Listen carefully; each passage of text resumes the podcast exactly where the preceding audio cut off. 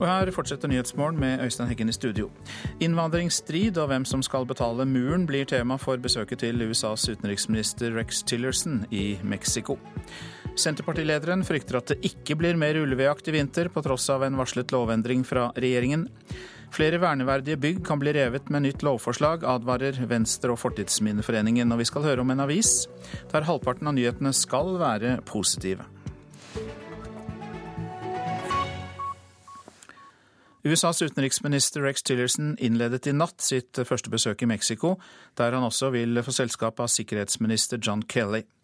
Hovedtema for eh, møtene blir ifølge Mexicos utenriksminister USAs nye retningslinjer for deportering av ulovlige innvandrere, forteller USA-korrespondent Gro Holm. Ja, Det som har provosert aller mest i de nye retningslinjene, det er noen formuleringer som åpner for at papirløse innvandrere fra sentralamerikanske land, altså land som Guatemala, El Salvador og Honduras, kan deporteres til Mexico, altså ikke hjem til sine egne land. Og Dette bekymrer alle meksikanere, sier utenriksminister Videgaray. Eh, men eh, meksikansk presse de bruker større ord, de snakker om krig mot Mexico. Og Dessuten så er det jo også slik at Mexico frykter at mange av de meksikanske eh, papirløse eller ulovlige innvandrerne som nå bor i USA, eh, skal bli sendt hjem. De eh, sender hvert år hjem rundt 25 milliarder dollar til familie i, i Mexico. Og det er klart at dette er viktig, et viktig bidrag til den meksikanske økonomien. Ja, De to eh, USA-lederne skal altså da møte Mexicos utenriksminister og president eh, i løpet av dagen. Hvilke andre spørsmål blir viktige? De kommer helt sikkert til å diskutere muren langs grensa. og Det er også ventet at eh, narkotikatrafikken over grensa fra Mexico til USA blir et tema.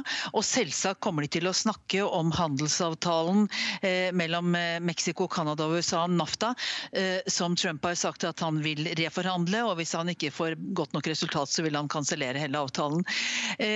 Dessuten så vet Mexico at USAs president har bedt om en oversikt over all støtte til Mexico innen fredag. og Det gjelder bl.a. et program for å bekjempe organisert kriminalitet, der USA betaler mesteparten av regningen. og har betalt da minst 1,6 milliarder dollar til Mexico siden 2007. Eh, og Nå frykter Mexico at han vil kutte denne støtten hvis ikke Mexico går med å betale for muren. Eh, så det blir eh, helt garantert et tema. Og vi vet jo at eh, president Pena Nieto avlyste et eh, tidligere planlagt besøk til USA pga. nettopp denne muren og betalingen for den. Eh, men har Mexico noen mottiltak å svare med? Ja, de har jo det, men det blir kanskje litt smått sammenlignet med at Mexico, Mexico jo er veldig avhengig av USA som eksportmarked. Eh, 80% av eksporten fra Mexico går nemlig til USA. Men de kan la være å samarbeide om ting som er viktig for USA, som f.eks. utlevering av lister over passasjerer som flyr eh, fra Mexico til USA. Eh, Mexico kan jo også bli litt mindre ivrig når det gjelder å bekjempe narkotikatrafikken over grensa til USA.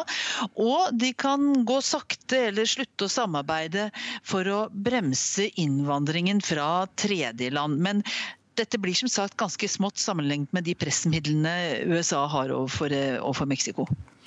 Og så er det et annet interessant poeng. Han er vel nærmest blitt kjent som den tause ministeren allerede, utenriksminister Rex Tillerson. Han, han har, har, ikke sagt stort siden han tok over. Eh, har han noen innflytelse? Ja, Det er et virkelig stort spørsmål. og Nå får vi jo se hva som kommer ut av det besøket her. Det, han har jo muligheten til å sette sitt eget stempel på det.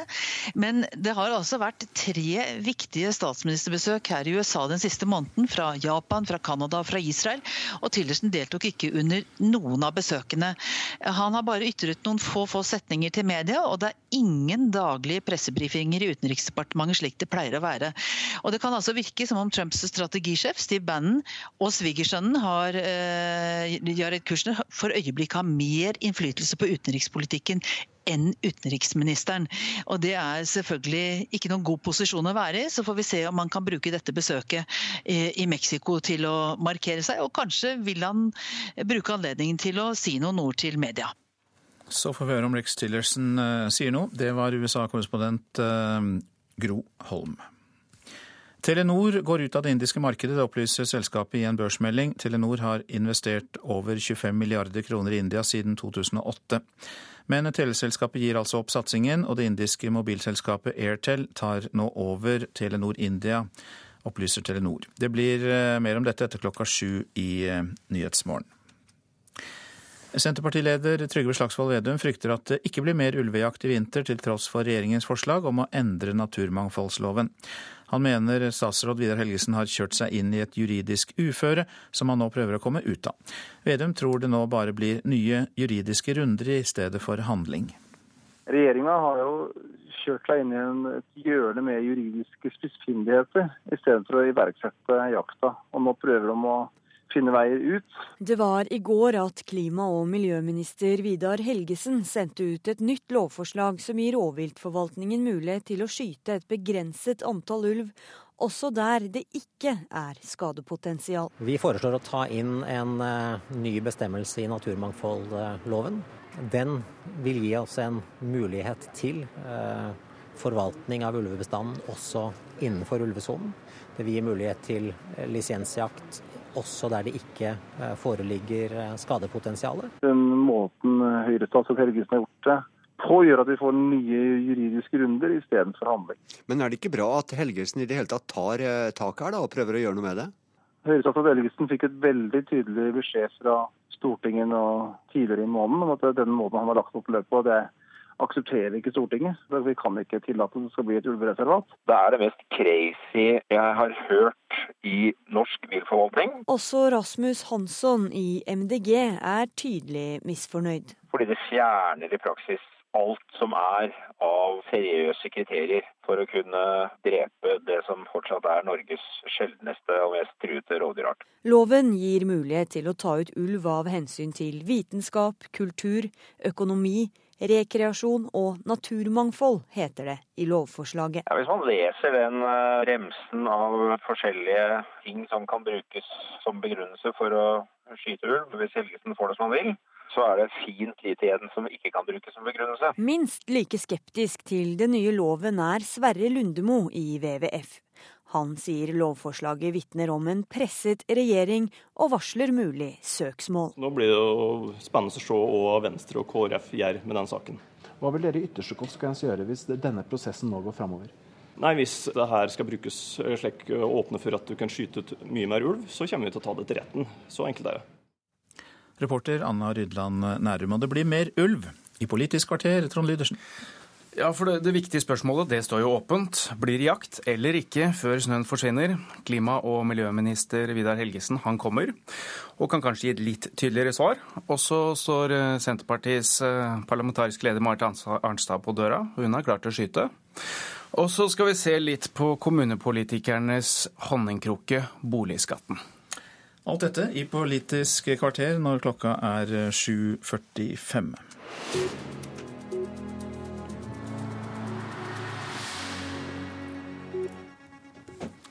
I disse dager arrangeres en internasjonal giverkonferanse for Nigeria og området rundt eh, Tsjadsjøen i Afrika. Det skjer i Oslo, denne konferansen altså. Norge sammen med Tyskland, Nigeria og FN er vertskap. Og Helene Sandbu Ryeng, god morgen til deg. Takk for det. Du har jobbet på Unicefs regionalkontor for Vest-Afrika fram til eh, i fjor høst. Og eh, hvorfor er forholdene i Nigeria, området rundt Tsjad, sjøen noe vi skal bry oss om? For de som bor der, så er jo dette et, eh, et mareritt som det bare er umulig å våkne opp fra. De har levd med Boko Harams herjinger gjennom mange år, og mange har vært på flukt mange ganger. I tillegg så har vi nå en eh, tørkesituasjon som eh, har ført til en svært alvorlig humanitær situasjon.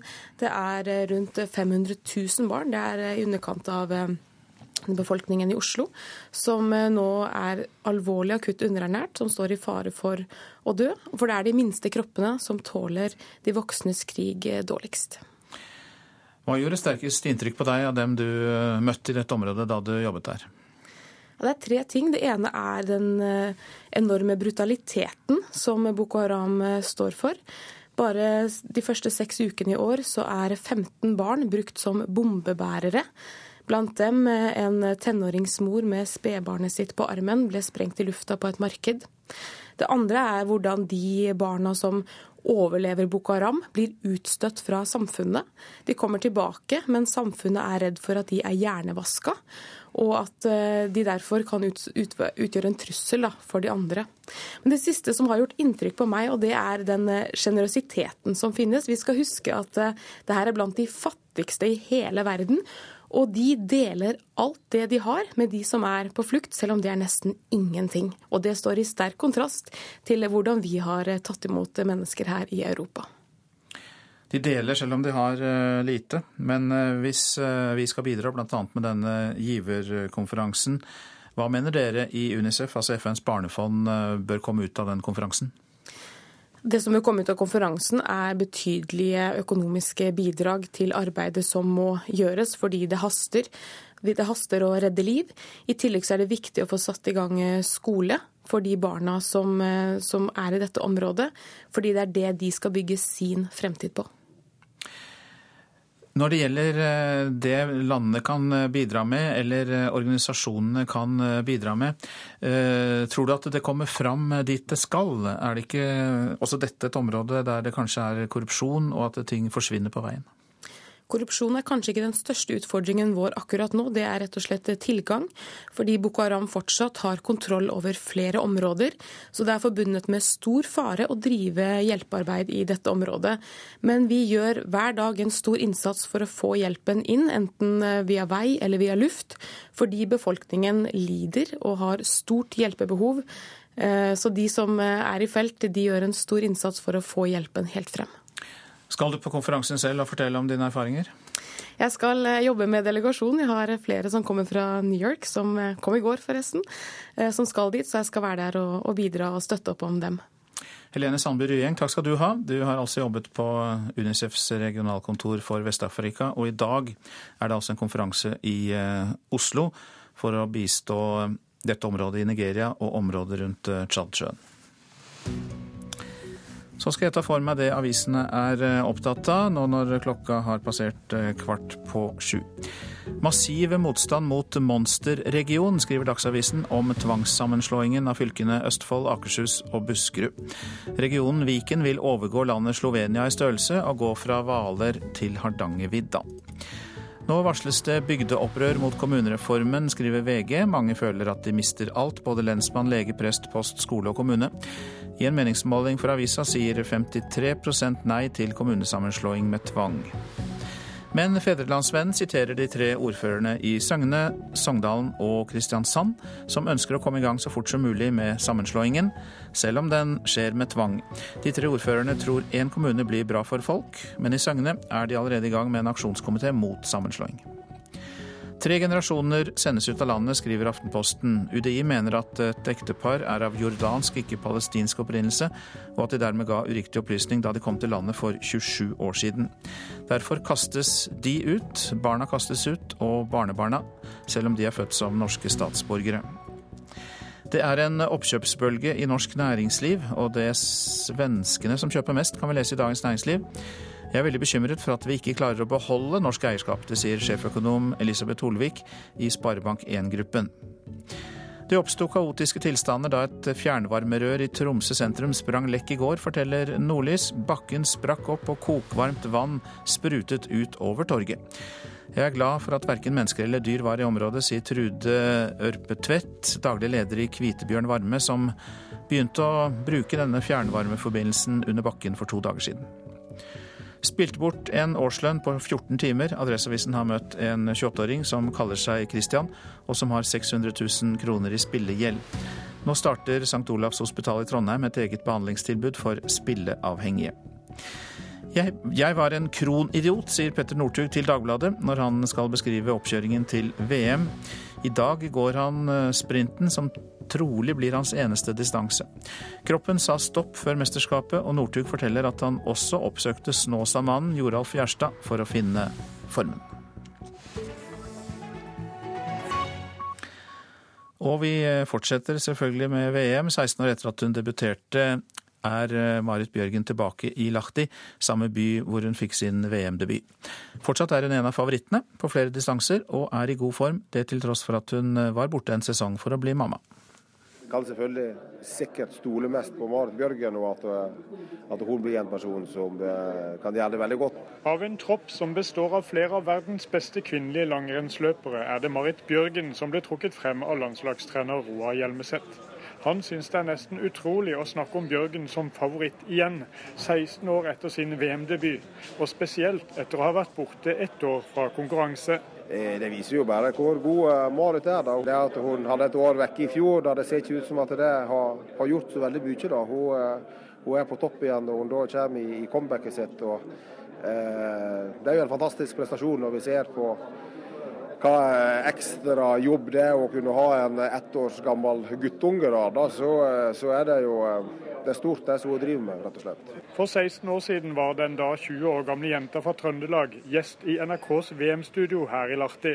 En fryktelig nervøs VM-debutant. Kanskje vel så mye fordi hun skulle intervjues på direktefjernsyn.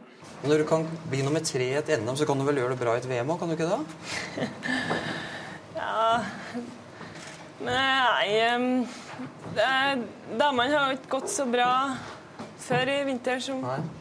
Jeg tror hun eh, kommer til å være nervøs også i 2017, da, men jeg håper jo at hun klarer å få fram eh, ord eh, nå. da. Hvis hun ikke gjorde det i 2001, så, så har hun vel litt rutine så hun klarer å takle det enda litt bedre enn det som hun gjorde da. da. Skremmende å høre at det var 16 år siden. Nei, Da var jeg jo med som ung jente, presterte på NM og fikk muligheten til å være med og, være med og lære.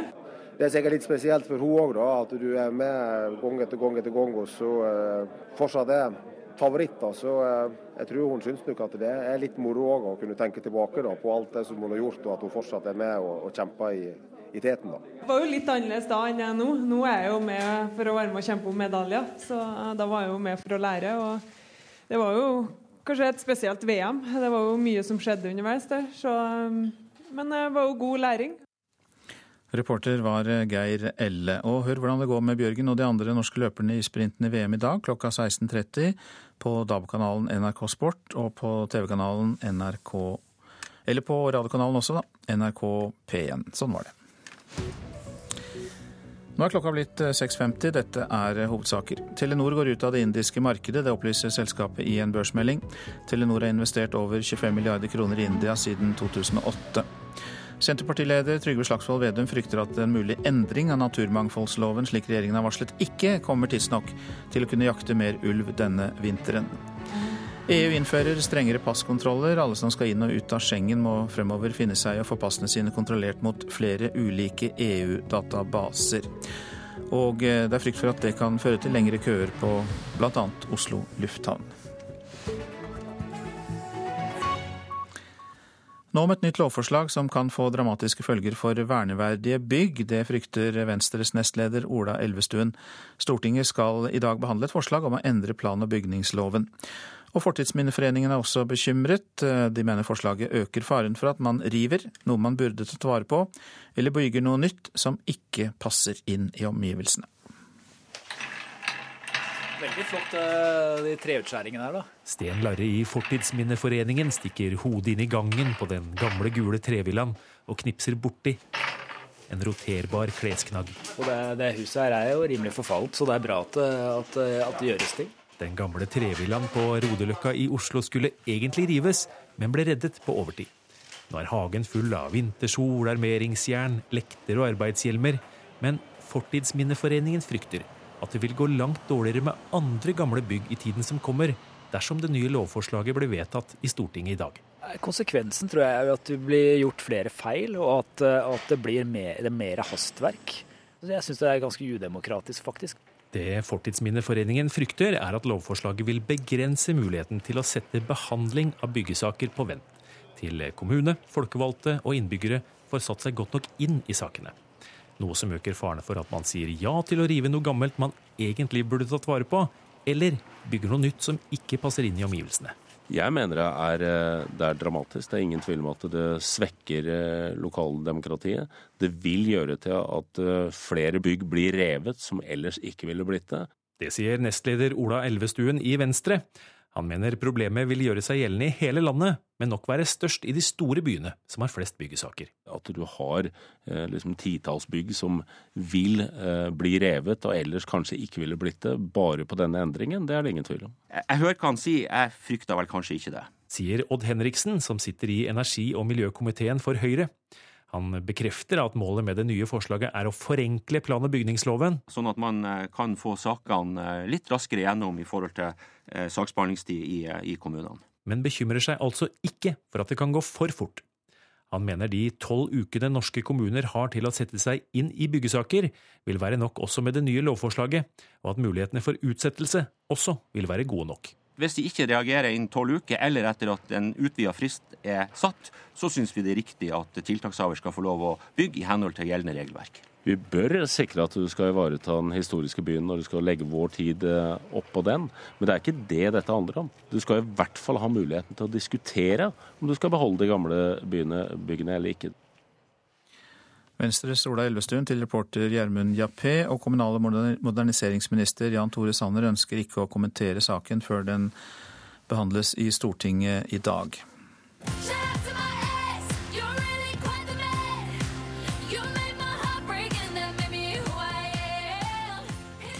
Ja, her hører vi popgruppa Little Mix, som fikk prisen Årets britiske singel for låta 'Shout Out To My Ex' under Brit Awards i London i går kveld.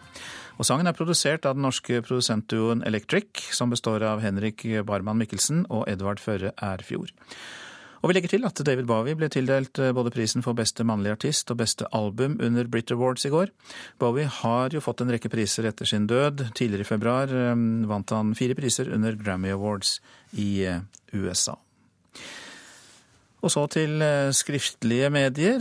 Gode nyheter har fått en ny betydning i redaksjonen til den flerkulturelle avisa Utrop. Det siste året har de hatt en regel om at halvparten av sakene som de skriver om, skal være positive. Og effekten ser de. de som, det som leses og deles mest, er gladsakene. Her ser vi saken om Lilas Al-Asim, 21 år fra Syria. Kunne så vidt si hva hun het på norsk da hun begynte på videregående. Tre år senere kom hun inn på medisinstudiet i Oslo.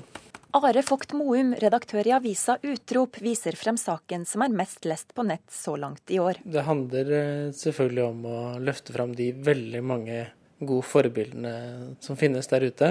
Det handler om utdanning, karriere, folk som gjør det bra næringsliv f.eks.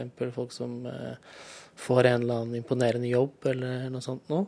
Eh, det er jo selvfølgelig litt av egeninteresse også, fordi vi ser at disse sakene blir veldig mye lest. Eh, og vi vil jo gjerne ha mange lesere. Det siste året har strategien til Utrop, som er en avis om det flerkulturelle Norge, vært at halvparten av sakene i papiravisa skal være positive. Ja, vi ser at de sakene som tar tak i myter, ideer, fastgrodde forestillinger om innvandrere som måtte ha spredd seg litt eh, i befolkningen og kanskje blir spredd også mye på sosiale medier. Ting som motbeviser eller gir et annet perspektiv på det, det, det deles mye. Det har kommet veldig mange negative saker gang på gang på gang, og det har vært en problemfokusert journalistikk på det flerkulturelle feltet. Hvis en kan få litt andre fokus, så er det også veldig sunt. Det sier Elisabeth Eide, som er professor i journalistikk. Hun har forsket på dekningen av innvandrere og flyktninger, og ja da, hun fant overvekt av saker med problemfokus. Eide syns Utrops nye strategi er spennende. I utgangspunktet ser jeg positivt på det, fordi at spesielt Utrop, som jo skal formidle noe om den såkalte innvandrerbefolkningen, da, og kanskje også til deler av den, de kan jo ha behov for å vise fram forbilder. Og det er mange unge som har innvandrerbakgrunn eller flyktningbakgrunn i Norge som kanskje sliter mer med utenforskap og bygging av identitet enn den jevne etniske nordmann. Så Sånn sett så er det sunt hvis de kan få fram et uh, mangfold av forbilder. Uh, jeg ser Utrop sitt forsøk her på, som del av en større trend, som er å ikke alltid bare polarisere og problematisere. For det tjener jo av og til også ekstremister. Allerede i 2015 begynte Aftonbladet i Sverige med en egen redaksjon for gode nyheter av ulike slag. Eh, det var et kjempebra respons, og vi ser også at det her er materiale som går veldig bra i sosiale medier. Det forteller redaktør for gode nyheter i Aftonbladet, Helena Mastberg. De forteller historien om bussjåføren som har hjulpet noen som lå i snøen, om dama som samlet inn klær til nyfødte. Det er mye eh, hemskheter som hender i verden just nå. Og det merkes virkelig at leserne har et stort sug etter positive greier, folk som gjør fine saker for hverandre, og sånt som kan inspirere til å skape en bedre verden. Man blir matt nesten av å se alle de negative historiene. Så får man noe positivt, og da, da er det en sånn god opplevelse å kunne dele det videre og vise det fram.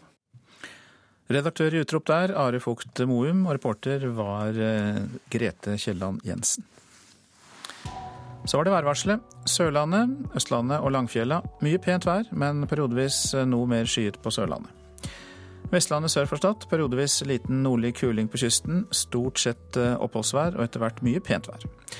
Møre og Romsdal og Trøndelag nord eller nordvest periodevis stiv kuling, men der blir det snøbyger og kan hende også med torden. Nordland periodevis liten nordlig kuling på kysten, om kvelden stiv og kan hende sterk kuling i Lofoten og Vesterålen. I Nordland blir det sol, men etter hvert en del snøbyger. Så var det Troms og Finnmark. På kysten av og til liten kuling. Litt snø på vidda og i Øst-Finnmark, ellers enkelte snøbyger i ytre strøk. Men også perioder med sol kan det bli. Spitsbergen nordøstlig stiv kuling utsatte steder. Litt snø, vesentlig i øst og nord. Temperaturer klokka fire. Svalbard minus tolv, Kirkenes minus elleve, Varde minus sju, Alta minus elleve, Tromsø minus tolv, Bodø minus fire, Brønnøysund minus to, Trondheim-Værnes minus tre og Molde minus én. Bergen pluss én, Stavanger to, Kristiansand-Kjevik fire, Gardermoen og Lillehammer begge minus fire, Røros minus sju og Oslo-Blindern minus tre.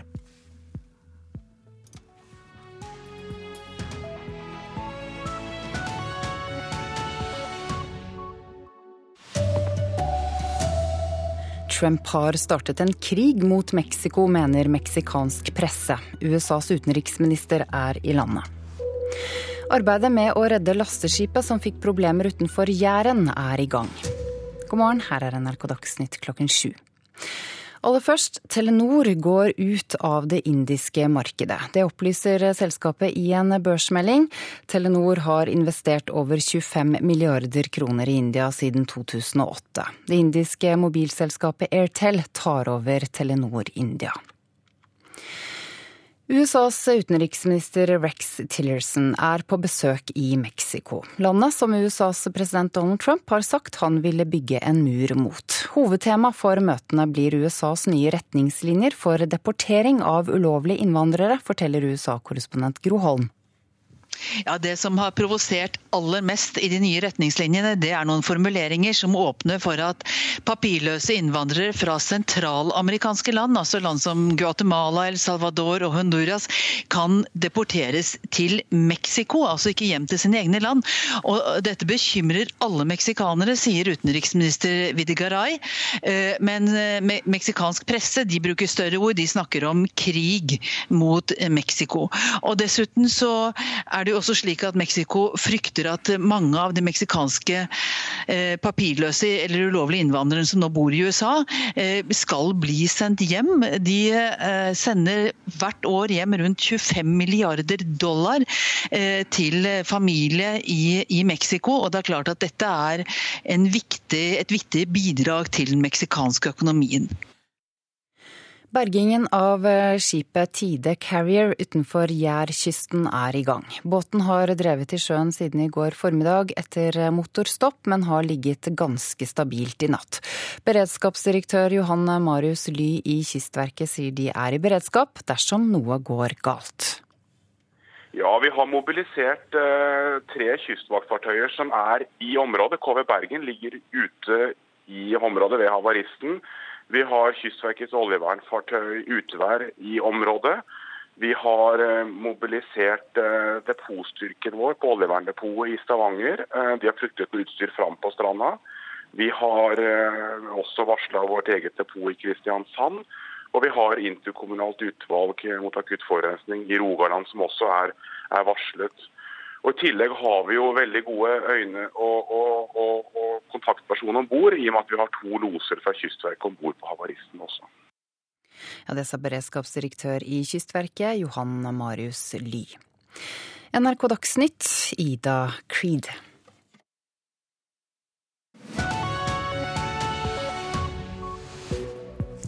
Og her i Nyhetsmorgen fortsetter vi med disse sakene. Passkøene kan bli lengre på Oslo lufthavn når nye EU-regler kommer, advarer NHO luftfart. Norge klarer ikke å være et av de tre landene i verden med høyest leveandel, frykter helsedirektør Bjørn Gullvåg. Regjeringen bevilger 35 millioner kroner til å rydde plastsøppel langs kysten, men miljøorganisasjonene mener forbud mot engangsplast er minst like viktig. Og vi forteller deg også mer om at Telenor gir opp det indiske markedet. I forrige uke vedtok EU-parlamentet at passene til alle som skal inn og ut av Schengen-området må kontrolleres mot ulike EU-databaser. Og de vedtok også flere tiltak som eh, forlenger eh, passkøene. Direktør NHO Luftfart Torbjørn Lote frykter at eh, det går fra vondt til verre i passkontrollen på Oslo lufthavn. Politiet har jo selv opplyst til oss at de per i dag mangler en 50 stillinger. Og på lang sikt snakker vi om flere hundre stillinger i forhold til nye grensekontrollkrav som vil kreve mer ressurser. I forrige uke vedtok et stort flertall i EU-parlamentet at passene til alle som skal inn og ut av Schengen skal kontrolleres bedre elektronisk. Opp mot flere EU-databaser bl.a. Dette kommer som svar på terrortrusler i Europa og for å hindre EU-borgere i å dra for å bli med i terrorgrupper som IS aux attaques terroristes commises sur le sol européen, et en particulier, je ne peux l'oublier, à Paris. Dette er et svar til terrorhandlinger på europeisk jord, spesielt i Paris. Schengen vil få troverdigheten tilbake med systematisk kontroll av personer som kommer til å reise ut fra EU-land, sa Marielle Desarnais i debatten i EU-parlamentet i forrige uke. I tillegg vil EU innføre det samme som USA har innført, nemlig at man må søke om innreisetillatelse elektronisk og betale fem euro for å komme til land innenfor Schengen. Dette vil gjelde såkalt tredjelandsborgere, alle som kommer fra land utenfor EU-EØS-området, men som ikke trenger visum, f.eks. turister fra USA, Canada eller Japan. I sum betydelig skjerpa grensekontroll, som vil bety enda lengre køer i det politiet og NHO Luftfart mener en allerede overbelasta passkontroll på Gardermoen. Nei, Det at grensekontrollen ikke fungerer, betyr at flyrutesystemet heller ikke fungerer godt nok. Det er en komplisert logistikk. Gardermoen er et veikryss, et knutepunkt i norsk luftfart. Og det må fungere hele tida eh, for at folk skal komme frem til Nord-Norge, til Vestlandet og ut i den store verden. Problemet er at det er ikke nok ressurser i grensekontrollen. Det er ikke nok folk. Man har ikke tekniske løsninger på plass til å lese passene. Det sier Torbjørn Lote, administrerende direktør i NHO Luftfart. Det kan ta noen år før de skjerpa passkontrollene som EU nå vedtar, blir gjennomført i praksis på europeiske flyplasser. NHO Luftfart og NHO Reiseliv er kritisk til regjeringa, nærmere bestemt Justisdepartementet, fordi NHO mener at myndighetene ikke gjør nok, verken på kort eller lang sikt. Ja, For det første så eh, er dette fullstendig feil. Eh, vi har i høyeste grad eh, oppmerksomhet retta mot eventuelle køutfordringer til sommeren. Derfor kommer vi til å sette inn ekstra ressurser for å håndtere det. Justisminister Per-Willy Amundsen avviser altså kritikken. Frp-statsråden sier det gjøres mye for å unngå kø, både nå når sommertrafikken kommer og på lang sikt når EU-kravene trer inn. Så er det riktig at eh, kravene fra EU kommer til å bli skjerpa. Eh, og I den første forbindelse så er det et helt eget prosjekt som, eh, som jobbes med for å få på plass gode løsninger i så henseende. Så her er vi i høyeste grad oppmerksom på utfordringen, og det blir håndtert. Og NHO Luftfart har altså ingenting å bekymre seg for. Reportere Linda Reinholdsen og Astrid Husø. Det blir eh, tungt å nå Stortingets mål om at vi skal være blant de tre landene i verden med høyest eh, forventet levealder, uten at vi foretar kraftige kursendringer. Det mener helsedirektør Bjørn Gullvåg, som i dag legger fram de siste oppdaterte helsetallene og opplysningene om vår helsetilstand. Og nå er du her, Gullvåg. Velkommen. Tusen takk. Hva er det som gjør det vanskelig å nå disse målene om høyere levealder? Nei, er, den gode historien er jo at vi har aldri hatt en bedre helsetjeneste, og vi har aldri hatt en bedre helse enn vi har nå. Men eh, vi har store ambisjoner, og det er jeg veldig glad for. Og eh, det er tre områder som vi ser det er behov for å jobbe enda mer med. Det ene er frafallet i skolen. Eh, det bidrar til store helsekonsekvenser også gjennom hele livet. Vi har jo vært urolig for selve det at man ikke får seg utdanning. Men kanskje har vi ikke viet nok oppmerksomhet rundt hva som skjer liksom, i hele livsløpet. Og det neste er at vi må jobbe enda bedre med samhandlingen rundt den enkelte pasient, sånn at hver enkelt blir tatt vare på i et helhetlig forløp. Det er mange som opplever at dette er oppstykket. Og det siste er at vi må være enda mer opptatt av hvordan det går med pasientene. Pasientsikkerheten. Og vi har hatt en god utvikling i noen år, men nå ser vi en utflating. Og vi ønsker å trykke enda mer på dette. La oss ta dette med frafallet, eller eh, utenforskap, som dere vel også har nevnt som et begrep her. Eh, hvorfor fører det til dårligere helse at man kanskje ikke fullfører videregående skole? Ja, det er jo dette er en ganske komplisert sammenheng, men det vi har vært mer og mer opptatt av nå, det er at det at man ikke eh, klarer å gjennomføre, det er nok et tegn også på at eh, man ikke føler den tilhørigheten Eh, i, i liksom det store, gode samfunnet som alle eh, ønsker seg. Og det er så mange som én av fem norske ungdommer som aldri får gjennomført eh, videregående utdanning. Altså som dropper helt ut. I tillegg er det 10 som har vanskeligheter med å gjennomføre det. Men disse 20% de får ofte store utfordringer også senere i livet. Vi vet at utdanning spiller en stor rolle for helse. Og Eh, de sosiale ulikhetene i helse utover i livet er ganske store i Norge. Og de varer ved helt til livets sluttfase. Slik at eh, i de siste årene våre så ser vi også at eh, dødeligheten er mye høyere blant de som har lav utdanning, enn de som har høy utdanning. Så dette forplanter seg. Det, den, det, området hvor vi ser mest utvikling nå i, uh, i, økning på uføretrygd, det er blant de unge mellom 20 og 29 år. Og dette er jo nettopp den gruppen som har vanskeligheter med å gjennomføre selve skoleløpet. Så det, det vi er opptatt av, er at uh, vi må både jobbe med, uh, med barna i alle faser av barn, liksom oppveksten barnehagene, eh, skolefritidsordning, skole, eh, idrettslag eh, alle steder, og, helsestasjon, ikke sant, skolehelsetjeneste. Men det er også veldig viktig å ta vare på ungdommen når de først er kommet dit. De som er i ferd med å droppe ut. Vi kan ikke akseptere at en femtedel ikke kommer seg gjennom. Det har altfor store konsekvenser for resten av livet. Da, da, brukte vi tiden på frafallet, som var det ene og viktige punktet ditt. Og så får du ta de to andre etter hvert når du skal presentere dette for eh, mediene. Men helt kort til slutt, vi kan jo snu på det. Hvorfor skal vi strebe etter å ha høyest levealder? Levealder er ikke et uh, mål kanskje alltid i seg selv, for det er, de gode livene vi er opptatt av. Men vi ser nok at uh, det å ha lange liv henger også veldig godt sammen med det å ha gode liv. Så vi må jobbe med begge deler. Mange takk skal du ha, helsedirektør Bjørn Gullvåg. Og som vi hørte eh, tidligere i sendinga på morgenen, så selger Telenor seg ut av eh, India. Det har du sett på reporter Eva Marie Bulai. Eh, de har jo vært der en stund? Ja, Telenor gikk jo inn i India allerede i 2008, og da hadde de håp om å gjøre store penger i landet. Men det ble aldri noe indisk eventyr, kan du si. Og I dag så kommer, i dag så kommer altså meldinga om at eh, de selger seg ut. Eh, kom det plutselig overraskende? Nei, Telenor har hatt problemer i India lenge. Og I april i fjor så eh, sa konsernsjefen sjøl, Sigve Brekke, at Telenor måtte løse problemene sine i India i løpet av året. DNB Markets skrev en rapport samme måned, og de anså det som svært sannsynlig at Telenor måtte trekke seg ut. Eh, det har jo vært snakka om at det selskapet som vi hører om i dag, eh, Barti Airtel Limited, ville overta virksomheten. Og i morges fikk vi altså da bekreftelsen i en børsmelding fra Telenor. Vet du noe om det selskapet? Det er Indias største mobiloperatør. Det er jo store forhold der borte. De har 269 millioner abonnenter. Målt i omsetning så har de en markedsandel på 33% i India.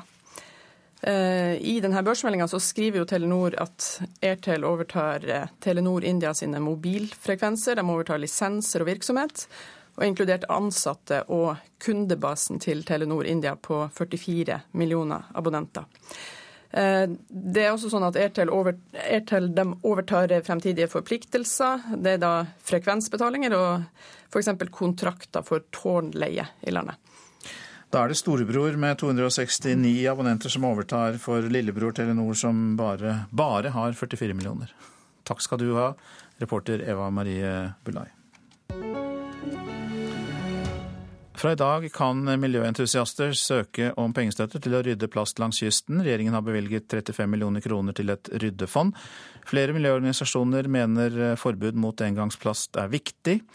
Men miljøvernminister er det viktigste, men miljøvernminister Vidar Helgesen sier støtte til frivillig plastrydding også betyr noe. Vi utlyser nå midler til ryddetiltak. 35 millioner kroner. Det er en økning fra 15 i fjor. Og det gjør at enda flere frivillige og andre aktører landet over kan få gjort enda mer for å eh, bidra til en renere kyst. Fra og med i dag vil det i tre uker være mulig å søke om penger til plastrydding. Miljøminister Vidar Helgesen forklarer hvem som har rett til å søke. Frivillige organisasjoner, det er foreninger, ideelle stiftelser, private bedrifter, foretak. Det er nesten ingen begrensninger på hvem som kan søke. Det som er viktig, er at aktivitetene er innrettet på å rydde plast langs strender. Og så er det også en forutsetning at det bidras med egeninnsats. Men for å få bukt på plastproblemet mener landets miljøorganisasjoner at dette er feil vei å gå. Forbrukerne kan gjøre mye og kan rydde strender og kan la være å kjøpe plast, men fram til man faktisk får et forbud klasket i bordet, så vil det ikke skje noen store ting. Det påpeker Ruben Oddekalv i Norges miljøvernforbund. På spørsmål om hva som er aller viktigst å prioritere i kampen mot plastforsøpling, svarer miljøekspertene enstemmig. Her ved leder i Naturvernforbundet, Silje Lundeberg. Det er rett og slett å slutte å bruke engangsplast. Plastposer, plastkopper, plastbestikk, plasttallerkener. Det er plast som du bare skal bruke et par ganger, men ikke en flerbruksgjenstand. Kanskje litt unødvendig med all den plasten, ja. Hvis eh, den paprikaen her ikke var eh, pakket i plast, ville du savnet det? Nei, det vil jeg overhodet ikke savne. Engangsplast er jo eh, holdt på å si, tøyseplast som vi ikke trenger. Oddekald er positiv til ryddefondet på kort sikt, men mener at det må lovendringer til for å få ordentlige resultater. Et forbud mot eh, både plastposer, som vi kjenner det med forskjellige butikkers logo på, men òg paprikainnpakning og blomkålinnpakning og alt dette andre unødvendige plastfjaset vi omgir oss med. Miljøministeren syns ikke det er så enkelt. Det er ikke alt som vi umiddelbart kan tenke på som et stort plastproblem, som egentlig er det. Plastposer, f.eks., er i Norge et lite miljøproblem. Det er faktisk viktig i avfallshåndteringssystemet vårt at vi har plastposer, for det er der vi kaster søpla vår. Altså det, det, første folk nevner når man nevner plastposeforbud, er jo rett og slett det at ja, men hvordan skal jeg da bli kvitt bosset mitt? Jeg pleier å si sånn at er det det største problemet vi kommer på, så er vi veldig nære løsning, altså. fordi at eh, der finnes det allerede mange alternativer. Både papp og papir og biologisk nedbrytbare poseprodukter vil kunne løse dette her. Og hvis man virkelig tenker seg om, så er det ikke verre enn at man har en bøtte under vasken som man tømmer rett opp i søppeldunken, og så skyller man ut av den etterpå. De gode råd fikk vi fra Ruben Oddekalv i Norges miljøvernforbund, og reporter var Fredrik Økland. Klokka har passert 7.16. Dette er hovedsaker. Nye og strengere EU-regler for passkontroll kan føre til lengre køer i grensekontrollen på bl.a. Oslo lufthavn, advarer NHO luftfart. Norge klarer ikke å være et av de tre land i verden med høyest levealder, frykter helsedirektør Bjørn Gullvåg. Det er bare mulig med kraftige kursendringer, hørte vi han sa her i Nyhetsmorgen, bl.a. når det gjelder å hindre frafallet i skolen. Telenor går ut av det indiske markedet. Det opplyser selskapet i en børsmelding. Telenor har investert over 25 milliarder kroner i India siden 2008. I dag starter en ny runde med fredssamtaler om Syria i Genéve. Håpet er å få en slutt på den snart seks år lange krigen i landet. Både regjeringen til president Bashar al-Assad og deler av den væpnede opposisjonen deltar, men det er uklart om partene kommer til å møtes ansikt til ansikt. Midtøsten-korrespondent Kristin Solberg, det er jo ikke første gang de møtes for samtaler i Genéve, så hva er forventningene til dagens møte? Ja, forventningene er nokså lave. FNs spesialutsamling spesialutsending eh, for Syria, Stefan de Mastura, han sa i går at eh, han ikke hadde store forventninger. Han sa rett ut at det ikke er forventet et gjennombrudd, men at målet i dag først og fremst er å skape et momentum for videre samtaler om overgangsregjering, ny grunnlov og valg. Og Med såpass lave forventninger så er det i dag knyttet, eller spenningen i dag knyttet til hvorvidt de to sidene faktisk vil sitte sammen ansikt til ansikt. Det har de ikke gjort i tidligere runder. Da har Demestura gått i skytteltrafikk mellom de to partene. Men denne gangen så er det et håp om at de faktisk vil møtes og snakke direkte. Så Forrige runde var jo i Genéve for eh, ti måneder siden, og dette er kanskje noe av det som gjør denne runden annerledes? Ja, nå er den politiske og militære konteksten veldig forskjellig enn i eh, forrige runde. På bakken så ser vi at regjeringen til eh, president Assad har hatt stor fremgang. De har jo da bl.a. gjenerobret Øst-Aleppo, slik at maktbalansen militært er veldig forskjellig. Og Politisk så er det også en, en ganske annen situasjon. Vi ser nå at det er samarbeid mellom Iran og Russland på den ene siden, de støtter jo myndighetene, og Tyrkia eh, som støtter opposisjonen på den andre. Og så er det det eh, også denne gangen en stor variabel, og det er at vi ikke vet hva USAs nye politikk eh, på Syria er. Under president Obama så støttet jo USA eh, opposisjonen, og Trump har ennå ikke kommet med sin nye Syria-politikk. Og så er det flere mulige snubletråder. Si litt om dem. Ja, Assads skjebne er fremdeles den største snubletråden. Opposisjonen krever jo ennå at president Assad må gå av. Det er noe som regjeringen ikke vil diskutere i det hele tatt, og, og som heller ikke reflekterer eh, den endrede maktbalansen på, på bakken. Eh, samtidig så er det heller ikke klart om myndighetene tror de har noe å tjene på å inngå eh, kompromisser. De har jo hatt såpass eh, stor fremgang militært eh, at det er ikke sikkert eh, de, de føler at de har eh, et behov for å, for å i det hele tatt inngå en politisk løsning. Men likevel så har det altså da vært en våpenhvile på plass i det siste. Så til slutt, eh, beskriv egentlig hvordan situasjonen er på bakken. Ja, Den siste våpenhvilen som kom på plass i slutten av desember, den har lyktes i å redusere volden noe. Eh, men det er også registrert en, en, en rekke brudd på denne våpenhvilen. Og i det siste så har volden økt, økt igjen. Opposisjonen anklager nå myndighetene om å, om å sende en såkalt blodig melding før, før Genéve-samtalene startet. Og nå de siste dagene så har Russland sagt at de formelt har bedt Syrias regjering om å stanse alle flyangrepene under mens samtalene pågår i Genéve. Midtøsten-korrespondent Kristin Solberg, takk skal eh, du ha. Nå til Storbritannia. Der avholdes det i dag to suppleringsvalg som får stor oppmerksomhet. Begge valgene skjer i kretser der det britiske arbeiderpartiet Labour har holdt på makten så godt som bestandig, men eh, der de har møtt kraftig motstand fra høyresiden. Men sånn var det, helt til den farligste motstanderen rotet det veldig til for seg selv. I haven't lost a close personal friend. I've lost someone who I know, but who, I don't know who's written. Mannen vi hører fortvilet prøver å forklare seg her, heter Paul Nuttall. Han er leder for det britiske uavhengighetspartiet UKIP. Det EU-fiendtlige og innvandringskritiske partiet har i mange år fått stor oppslutning, særlig i England og Wales blant velgerne, men pga. det britiske valgsystemet har de kun ett eneste parlamentsmedlem. Det kan endre seg i dag. For i to valgkretser har de sittende folkevalgte fra Labour trukket seg fra setene sine, og dermed skal det velges på nytt. Paul Nuttall er utfordrer i Stoke-on-Trent i Nord-England. Inntil nylig ledet han også på meningsmålingene, men så ble det noe vanskelig. Vi hører litt mer på klippet.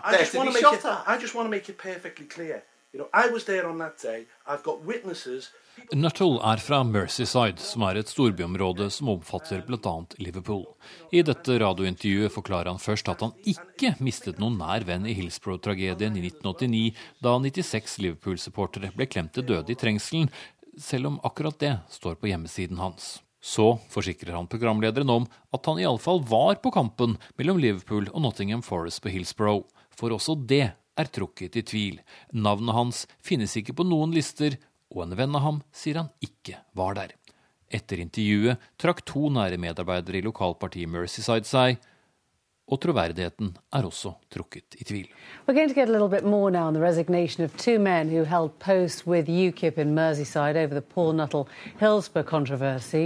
Dermed er livet tilsynelatende noe enklere for Jeremy Corbyn, lederen av Labour.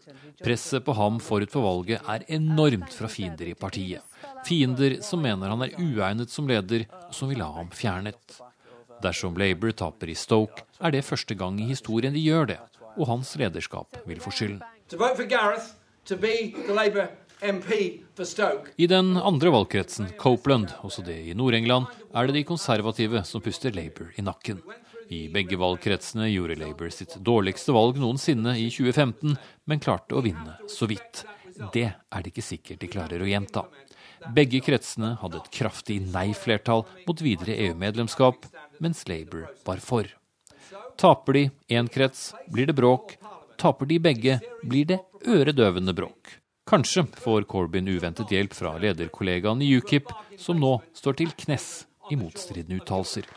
Espen Aas, London. Så tar vi en titt på avisene her hjemme. Massiv motstand mot monsterregion, skriver Dagsavisen om tvangssammenslåingen av fylkene Østfold, Akershus og Buskerud. Regionen Viken vil overgå landet Slovenia i størrelse og gå fra Hvaler til Hardangervidda. Nå varsles det bygdeopprør mot kommunereformen, skriver VG på sin forside. Mange føler at de mister alt, både lensmann, lege, prest, post, skole og kommune. I en meningsmåling fra avisa sier 53% nei til kommunesammenslåing med tvang. Men eh, Fedrelandsvennen siterer de tre ordførerne i Søgne, Sogndalen og Kristiansand som ønsker å komme i gang så fort som mulig med sammenslåing, selv om den skjer med tvang. De tre ordførerne tror en kommune blir bra for folk. Men én eh, kommune, altså. Men i Søgne er det i gang en aksjonskomité mot sammenslåing. Tre generasjoner sendes ut av landet, skriver Aftenposten. UDI mener et ektepar er av jordansk, ikke palestinsk opprinnelse, og at de dermed ga uriktige opplysninger da de kom til landet for 27 år siden. Derfor kastes eh, både dem, barna og barnebarna ut, selv om eh, barnebarna er født som norske statsborgere. Det er en oppkjøpsbølge i norsk næringsliv, og det er svenskene som kjøper mest, kan vi lese i Dagens Næringsliv. Jeg er veldig bekymret for at vi ikke klarer å beholde norsk eierskap, sier sjeføkonom Elisabeth Holvik i Sparebank1-gruppen. Det oppsto kaotiske tilstander da et fjernvarmerør i Tromsø sentrum sprang lekk i går, forteller Nordlys. Bakken sprakk opp og kokvarmt vann sprutet ut over torget, kan vi se bilder av. Jeg er glad for at verken mennesker eller dyr var i området, sier Trude Ørpetvedt, daglig leder i Kvitbjørn Varme, som hadde lagt ned ledningene. Spilte bort ei årslønn på 14 timer. Adresseavisen har møtt en 28-åring som kaller seg Christian, og som har 600 000 kroner i spillegjeld. Nå starter St. Olavs hospital i Trondheim et eget behandlingstilbud for spilleavhengige. Jeg var en kronidiot, sier Petter Northug til Dagbladet når han skal beskrive oppkjøringen til VM. I dag går han sprinten, som trolig blir hans eneste distanse. Kroppen sa stopp før mesterskapet, og Northug forteller at han også oppsøkte Snåsamannen, Joralf Gjerstad, for å finne formen. I Lenvik kommune i Troms opplever de at flere søker på ledige stillinger enn tidligere. Rådmann Margrethe Hagrupsen gir kommunereformen æren for det. Hun tror flere søker på jobber i Lenvik fordi de skal bli del av en større kommune. Trafikkbetjent det er 17 søkere. Miljøkonsulent 15 søkere. Rådmann Margrethe Hagerupsen blar gjennom de ledige stillingene som er lyst ut i kommunen. Det er saksbehandler i barnevern 21 søkere. Ledige faghjemler med driftstilskudd. Det er også Senjalegen. Det er ni søkere. Og virksomhetsleder Senter for læring og integrering, det har vi nå tilsatt, men det var ni søkere. Dette er stillinger som krever flere års høyere utdanning. Å komme til Finnsnes, byen i Midt-Troms, som nå blir hovedsete i en større kommune, frister mange, mener rådmann. Sånn vi er i en brytningsfase der vi er, der vi er har gjort vedtak om kommunesammenslåing. Det kan skremme folk, men det kan også invitere folk inn i en spennende utvikling. Og er det kanskje det, det siste vi ser. Tranøy og Lenvik er blitt enige om sammenslåing, og kanskje blir også Berg og Torsken med i den nye Senja kommune. Rådmann Margrethe Hagerupsen mener kommunereformen er helt nødvendig. Og jeg mener at For å kunne være kommune i dagens Norge med alle de oppgavene som ligger der, så må du være en gitt størrelse. Du må ha alt det som kommunen skal tilby. Og jeg tror at hvis du klarer å bli den størrelsen, så blir du også attraktiv som arbeidsgiver. Og det tror jeg det er det vi ser. Ja, hva, hva syns du om det? Jeg syns det er kjempespennende. Virkelig. Og det blir atskillig flere nå. Det er de fleste stillinger, så det er mange søkere. Otto Jacobsen er hovedtillitsvalgt i Fagforbundet og sitter i tilsettingsrådet i Lenvik. Er det noen som også sier at, eh, at, det at Lenvik er i en omstillingsfase akkurat nå, at det er, attraktivt i seg sjøl? De har jo ikke sagt det direkte, egentlig, men kan jo oppfattes sånn at det er attraktivt. For det er jo en stor vekst i regionen her, altså i Midt-Troms, så finnes det sesongområder. Så det virker som et interessant område. Han mener den positive utviklinga starta allerede for et par år siden, og sier at mange av søkerne kommer fra lignende jobber i småkommuner. Nei, Det kan jo være til at det blir større faglige utfordringer og et større faglig miljø. Kanskje føler seg litt ensom ute i, i småkommuner. Det kan jo tyde på det. Og det var eh, hovedtillitsvalgt i Fagforbundet i Lenvik, Otto Jacobsen, som eh, sa det til slutt der. Reporter var eh, Linda Pedersen. Vi tar med at politiet i Malaysia etterlyser fire nordkoreanere i forbindelse med drapet på Kim Jong-uns halvbror. De har bedt Interpol om å sende ut en internasjonal arrestordre på de fire, melder Reuters. Kim Jong-nam døde jo da sist mandag etter å ha fått et stoff i ansiktet på flyplassen i Kuala Lumpur. Og eh, det blir mer om eh, dette i Dagsnytt eh, nå straks. Du lytter altså til Nyhetsmorgen. Produsent er Eli Bieland. Her i studio, Øystein Heggen. Europeerne er opptatt av flyktningene som kommer hit, det vet vi. Men hvor mange flyktninger ett eneste land i Afrika har tatt imot? Hvor mange kan det være? Jo, det er 740 000. Hør mer om det i reportasjen etter Dagsnytt. Og vil du ha en debatt om ulv, så kan du få en til i Politisk kvarter kvart på åtte.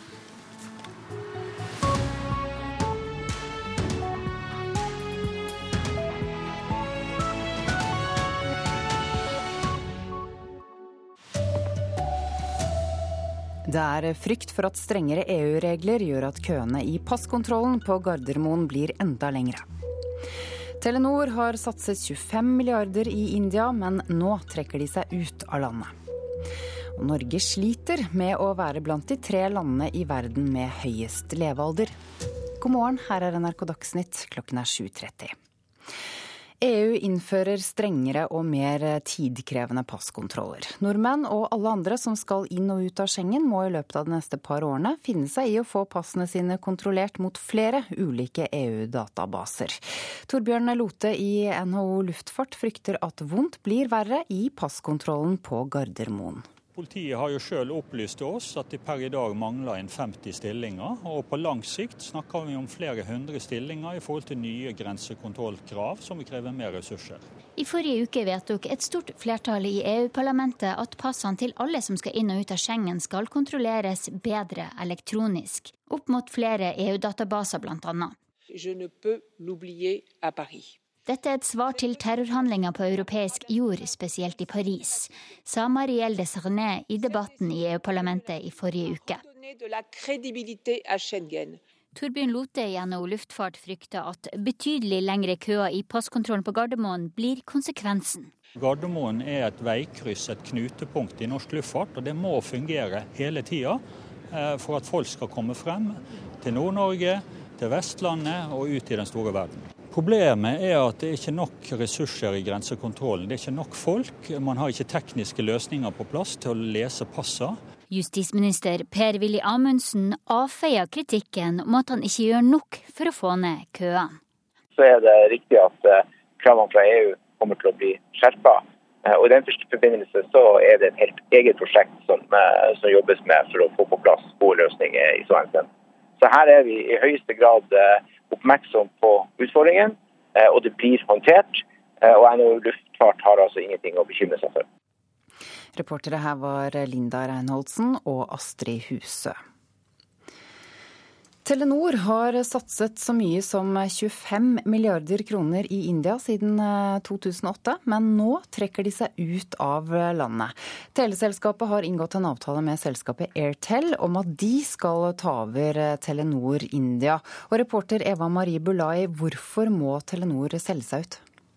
Ja, Så sent som i januar i år så sa konsernsjef eh, Sigve Brekke litt sjøl om hvorfor de ikke har lykkes i India. Og Det er jo da konkurransen som har blitt veldig tøff, og inntektene har jo falt dramatisk der. Kombinert med skyhøye priser på nye lisenser, så fungerte India-satsinga deres veldig dårlig. Altså, Hvor mye har Telenor tapt på dette?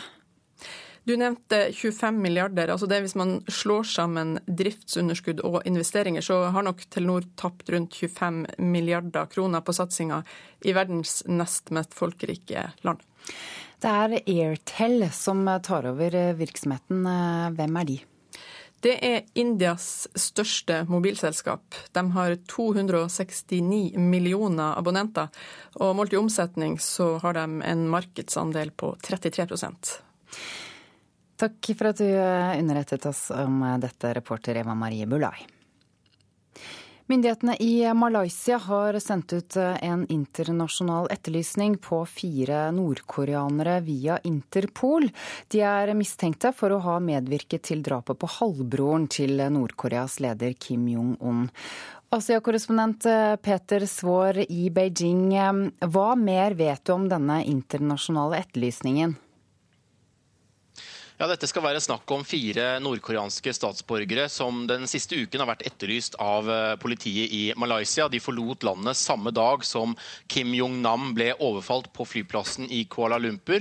Malaysisk politi vil ikke si hvor de mener at disse fire mennene er nå, men disse etterlysningene kommer i tillegg til de fire som allerede er arrestert i Malaysia, inkludert to kvinner som ifølge mistanken skal ha tatt livet av Kim Jong-nam ved å gni et giftstoff i ansiktet hans. Ja, dette er jo en eh, spesiell historie som eh, vikler seg ut. Eh, Nord-Korea hevder altså nå at det er myndighetene i Malaysia som står bak drapet.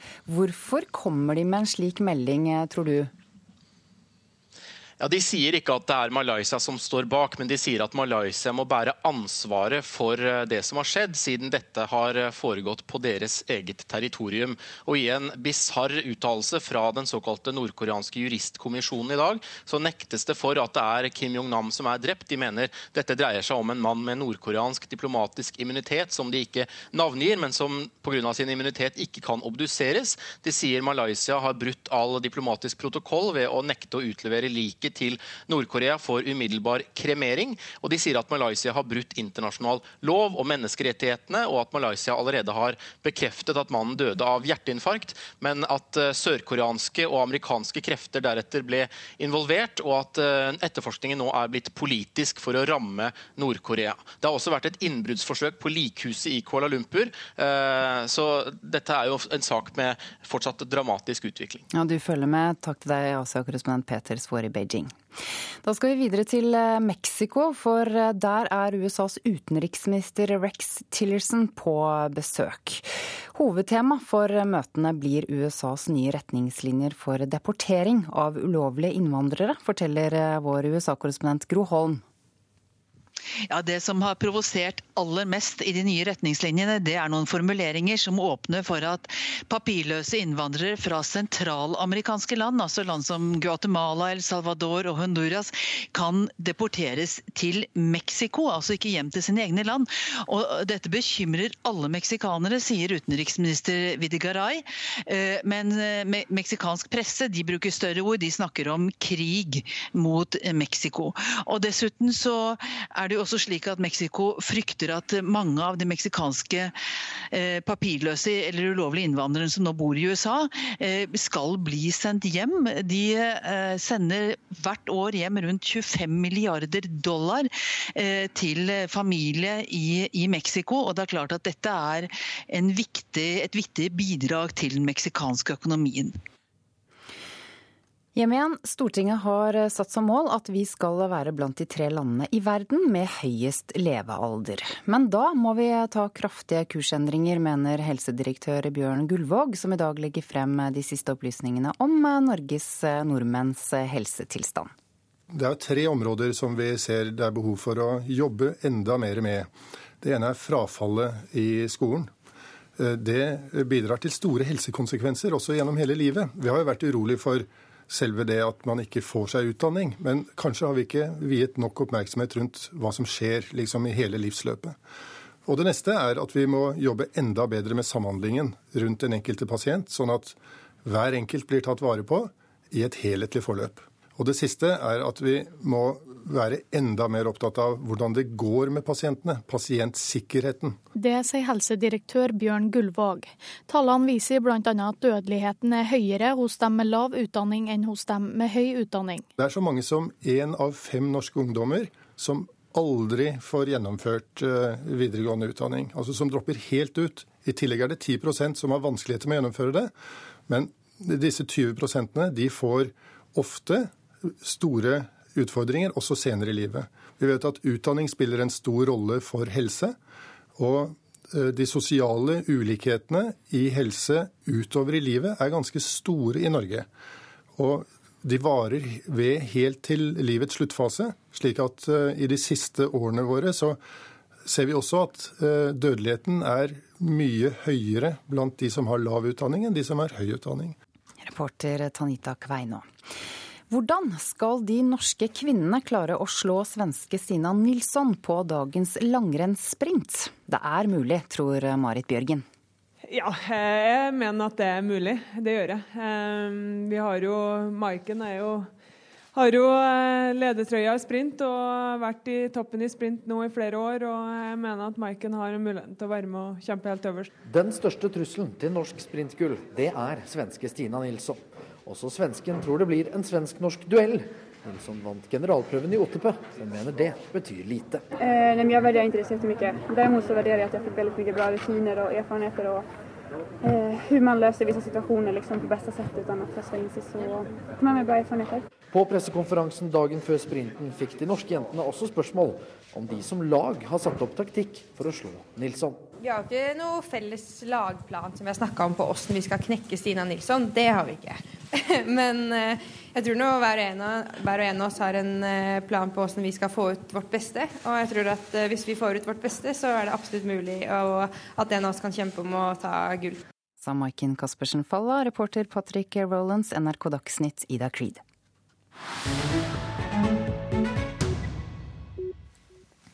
Dette er Nyhetsmorgen.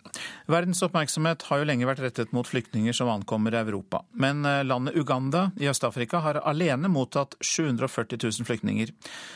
Hvor mange må flykte eller dø for at vi skal få verdens oppmerksomhet, spør en hjelpearbeider. Enda en lastebil med flyktninger ankommer Nord-Uganda. Trøtte etter en lang reise på humpete veier blir barna løftet ned fra lasteplanet. Noen menn begynner å hogge ved til matlagingen.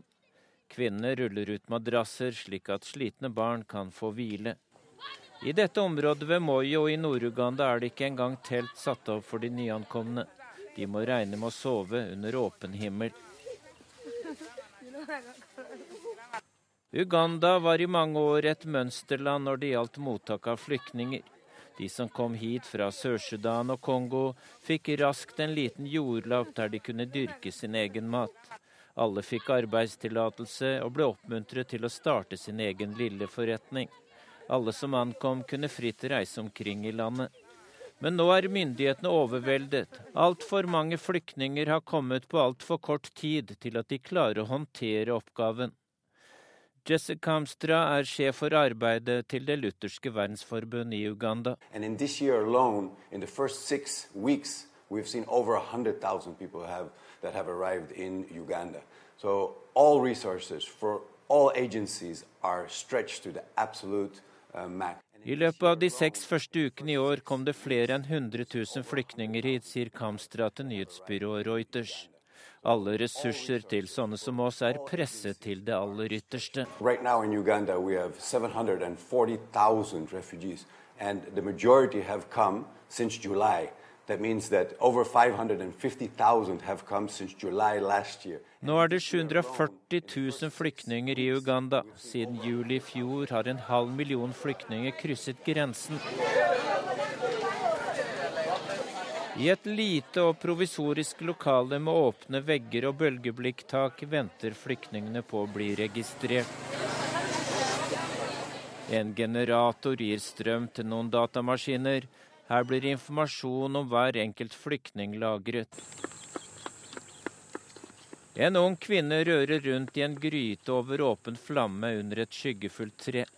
Hun heter Rachel Makisa, har sammen med datteren nylig flyktet fra hjemmet i kommunen Yei vest i Sør-Sudan. No right det er ikke lenger fredelig hjemme. Det er derfor jeg flyktet hit, sier Rachel Makisa. Right now, I don't have hope for our, our country because there is, there is fighting taking place in our place, and right now Jeg har ikke lenger noe håp for landet vårt, og jeg har mistet håpet for min egen framtid, sier hun. Rachel Makisa og datteren er ofre for en strid mellom de største etniske gruppene i Sør-Sudan. Ifølge FNs høykommissær er 1,5 million sørsudanere nå på flukt. Hjelpeorganisasjonene mener den største flyktningekrisen i Afrika utspiller seg her i Uganda. Well,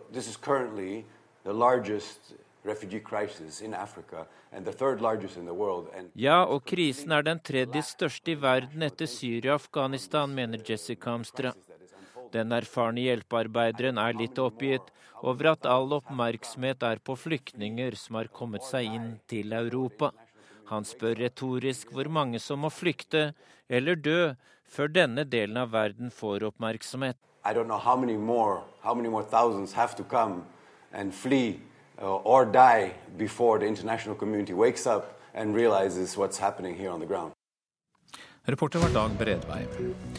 Og dette er hovedsaker i nyhetene. Telenor går ut av det indiske markedet. Det opplyser selskapet i en børsmelding. Telenor har investert over 25 milliarder kroner i India siden 2008.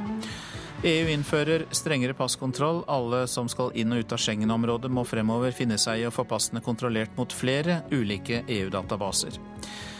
Stortinget har som ambisjon at vi skal være blant de tre landene i verden med høyest forventet levealder, men det blir vanskelig å nå uten at vi foretar kraftige kursendringer. Det sier helsedirektør Bjørn Gullvåg, som legger fram helsetall i dag. Programleder for Politisk kvarter nå er Trond Lydersen.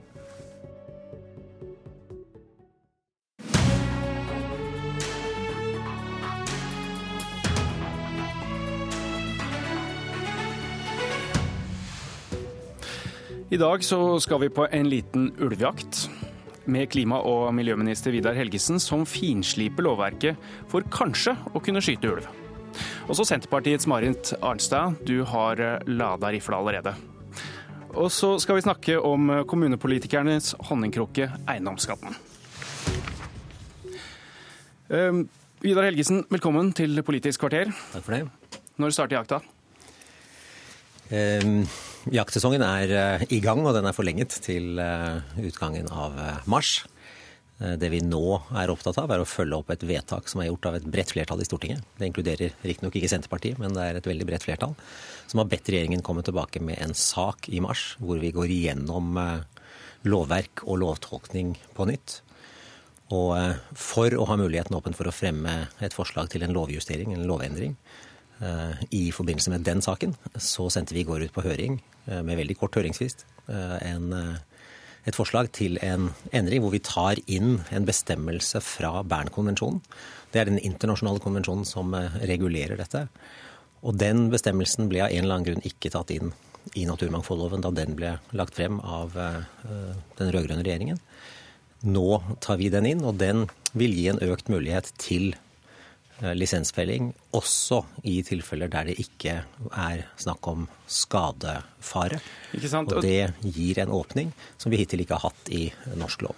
Det gir en åpning. Og så er det et langt resonnement rundt det, og du har åpenbart kjørt en prosess. Og så lurer vi på hva blir konsekvensene? Hvor fort kan man eventuelt ha en jakt? Vi har en jaktsesong som løper ut når snøen forsvinner, vel i praksis. Eh, hva er det du tror vi kan gjennomføre på bakgrunn av den, det lovforslaget du nå fremmer? Jeg er nå opptatt av at vi, at vi, skal følge opp det stortingsflertallet har bedt oss om. og det er å komme tilbake med en sak 10. mars. Folk er jo litt opptatt av å få vite hva som kommer til å bli, skje på bakgrunn av det? Ja, Det er opp til Stortinget å bestemme hvor raskt de eh, behandler en lov, og hvor raskt den trer i kraft. 10. Eh, mars er jo meningen her nå. Ja, Det er vår frist for å legge frem et uh, forslag. Og så er det opp til Stortinget hvor raskt de vil behandle, dersom vi nå fremmer eh, det lovforslaget som vi i går sendte på høring. Nå skal vi ha en eh, kort høringsrunde. Den er kort fordi Stortinget har satt en veldig knapp frist. Men eh, etter den høringsprosessen så vil vi vurdere om dette er noe vi skal fremme for Stortinget. Parlamentarisk leder i Senterpartiet, Marit Arnstad. Ble du glad i går? Nei, jeg vet ikke om jeg akkurat vil si det. Altså, I denne saken her så har det vært mye juridisk fram og tilbake. Det har vært en eh, lovtolkning fra Lovavdelinga med mange forbehold. Eh, statsråden har påberopt seg ulike juridiske grunnlag. Først var det Bernkonvensjonen, så var det rovviltforskriften, og så var det naturmangfoldloven.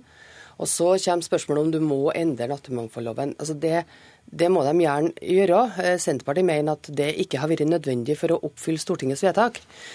Men hvis de gjør det, så er det helt greit. Det som bekymrer oss i Senterpartiet, det er jo at selv om du nå har en måned igjen av jaktperioden, så ser det ut som om regjeringa har gitt opp muligheten til å felle mer ulv i nå i vinter. Ja, Har dere det?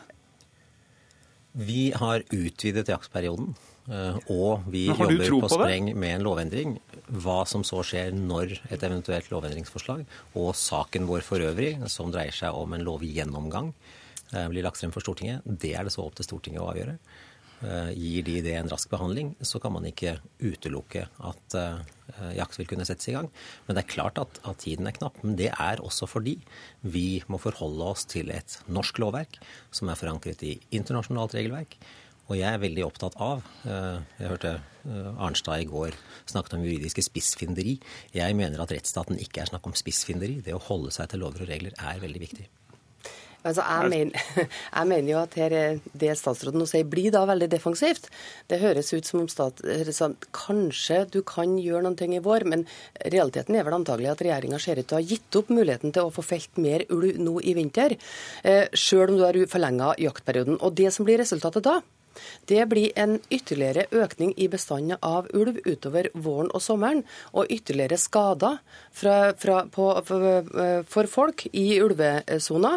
Og det betyr at du får enda større utfordringer neste høst og vinter igjen når du skal felle ulv. Så derfor så på en måte, det, det, du gjør, er at du skyver problemet foran deg, og samtidig så oppfyller du da ikke på noen måte det vedtaket Stortinget faktisk har gjort. Når må jakta starte, da?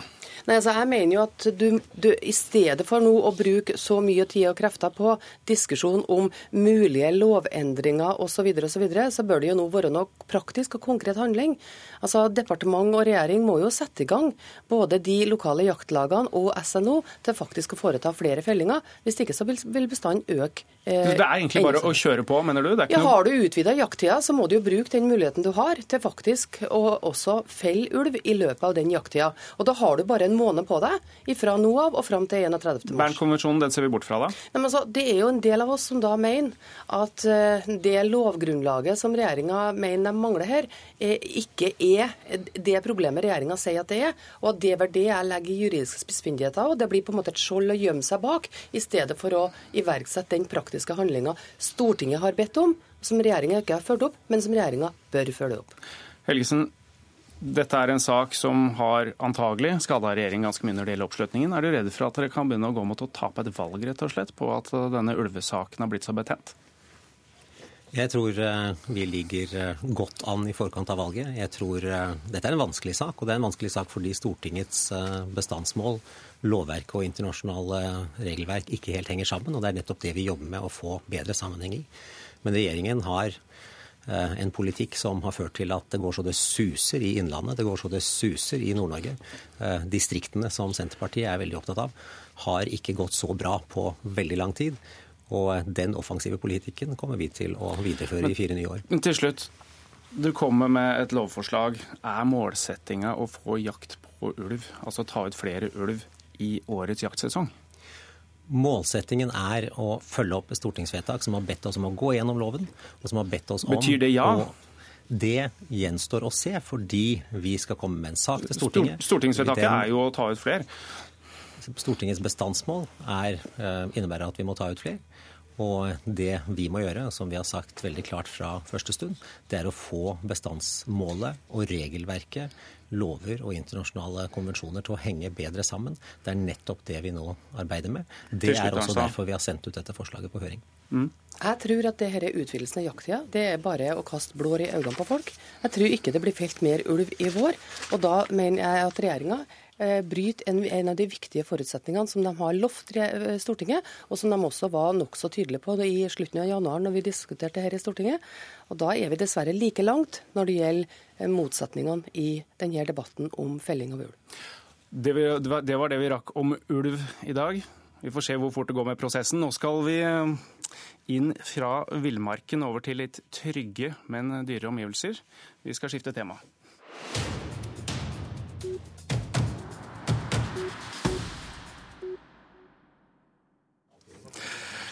For eh, kommunepolitikernes honningkrukke, boligskatten. Fem-seks milliarder eh, nasjonalt henter man inn på det nå. Og eh, byrådsleder Raimond Johansen i Oslo, mandag så varsler du plutselig at Eller varslet, det er varslet noe på forhånd, men da får man beskjeden om at boligskatten øker med 50% og med ekstra boligpriser så øker det enda mer. Hvor mye er det greit at folk med vanlig inntekt som bor i en ordinær bolig, skal betale boligskatt? Altså, vi har i likhet eh, med da 365 av landets 408 kommuner har eiendomsskatt.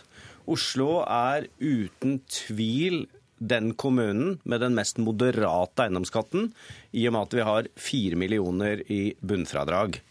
Det vi nå gjør, er nøyaktig det vi gikk til valg på. Vi innfører en uh, boligskatt med 4 millioner i bunnfradrag. 2 promille første året. Øker til 3 promille.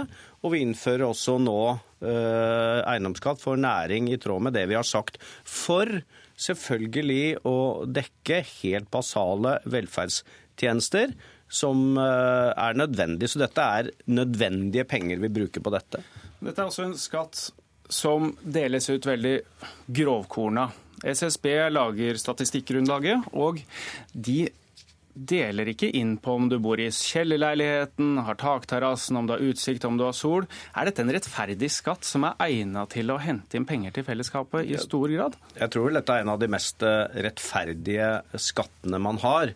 Og vi bruker det beregningsgrunnlaget som Skattedirektoratet, som Stortinget har bestemt, som de andre kommunene bruker. Og jeg eh, har vanskelig for å se for meg, og det viser jo også statistikken, en skatt som eh, er mer rettferdig enn denne. Så har jeg lyst til å si det at vi vet, i likhet med all annen skatt, at det er noen som føler at de her må betale mye. Enkelte store, gamle eneboliger, ikke minst i Oslo vest, så forstår jeg at de føler at de betaler mye. Men dette er sånn grovt regnet en svært rettferdig skatt, og vi skal bruke disse pengene på fornuftige ting.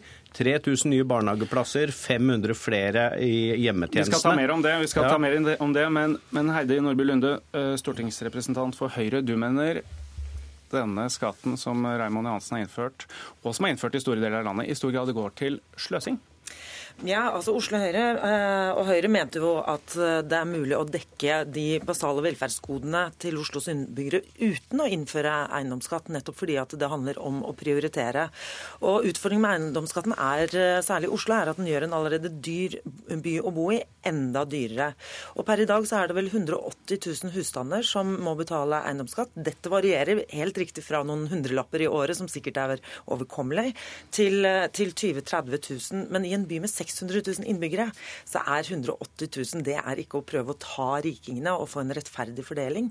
Det er ingen skjerming mot de som har uh, dårlig råd. Og jeg syns egentlig at det er en merkelig logikk at det å gjøre bolig dyrere skal gjøre det billigere å bo på sikt, slik Arbeiderpartiet hevder. Men penga sløses bort?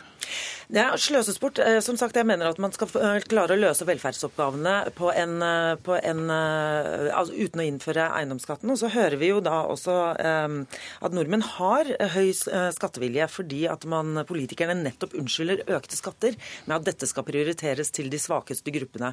Så ser vi at det også går til bl.a. å innføre da subsidier til elsykler til noen av de rikeste i byen. Og Da tror jeg man undergraver nettopp den viljen til å betale skatt, og man undergraver også den tilliten som politikerne er så opptatt av og, og ønsker. Det er en kilde til å hente inn penger? Bare, bare si det. Det Høyre har gjort gjennom 20 år, er å selge ut gigantiske mengder med eiendom eiendom i Oslo, bl.a. for å slippe at man betaler eiendomsskatt. Det vi gjør nå, fordi at Oslo hadde den laveste barnehagedekningen av alle storbyene, så har vi gått inn, sagt at det skal øremerkes til å dekke 3000 nye barnehageplasser.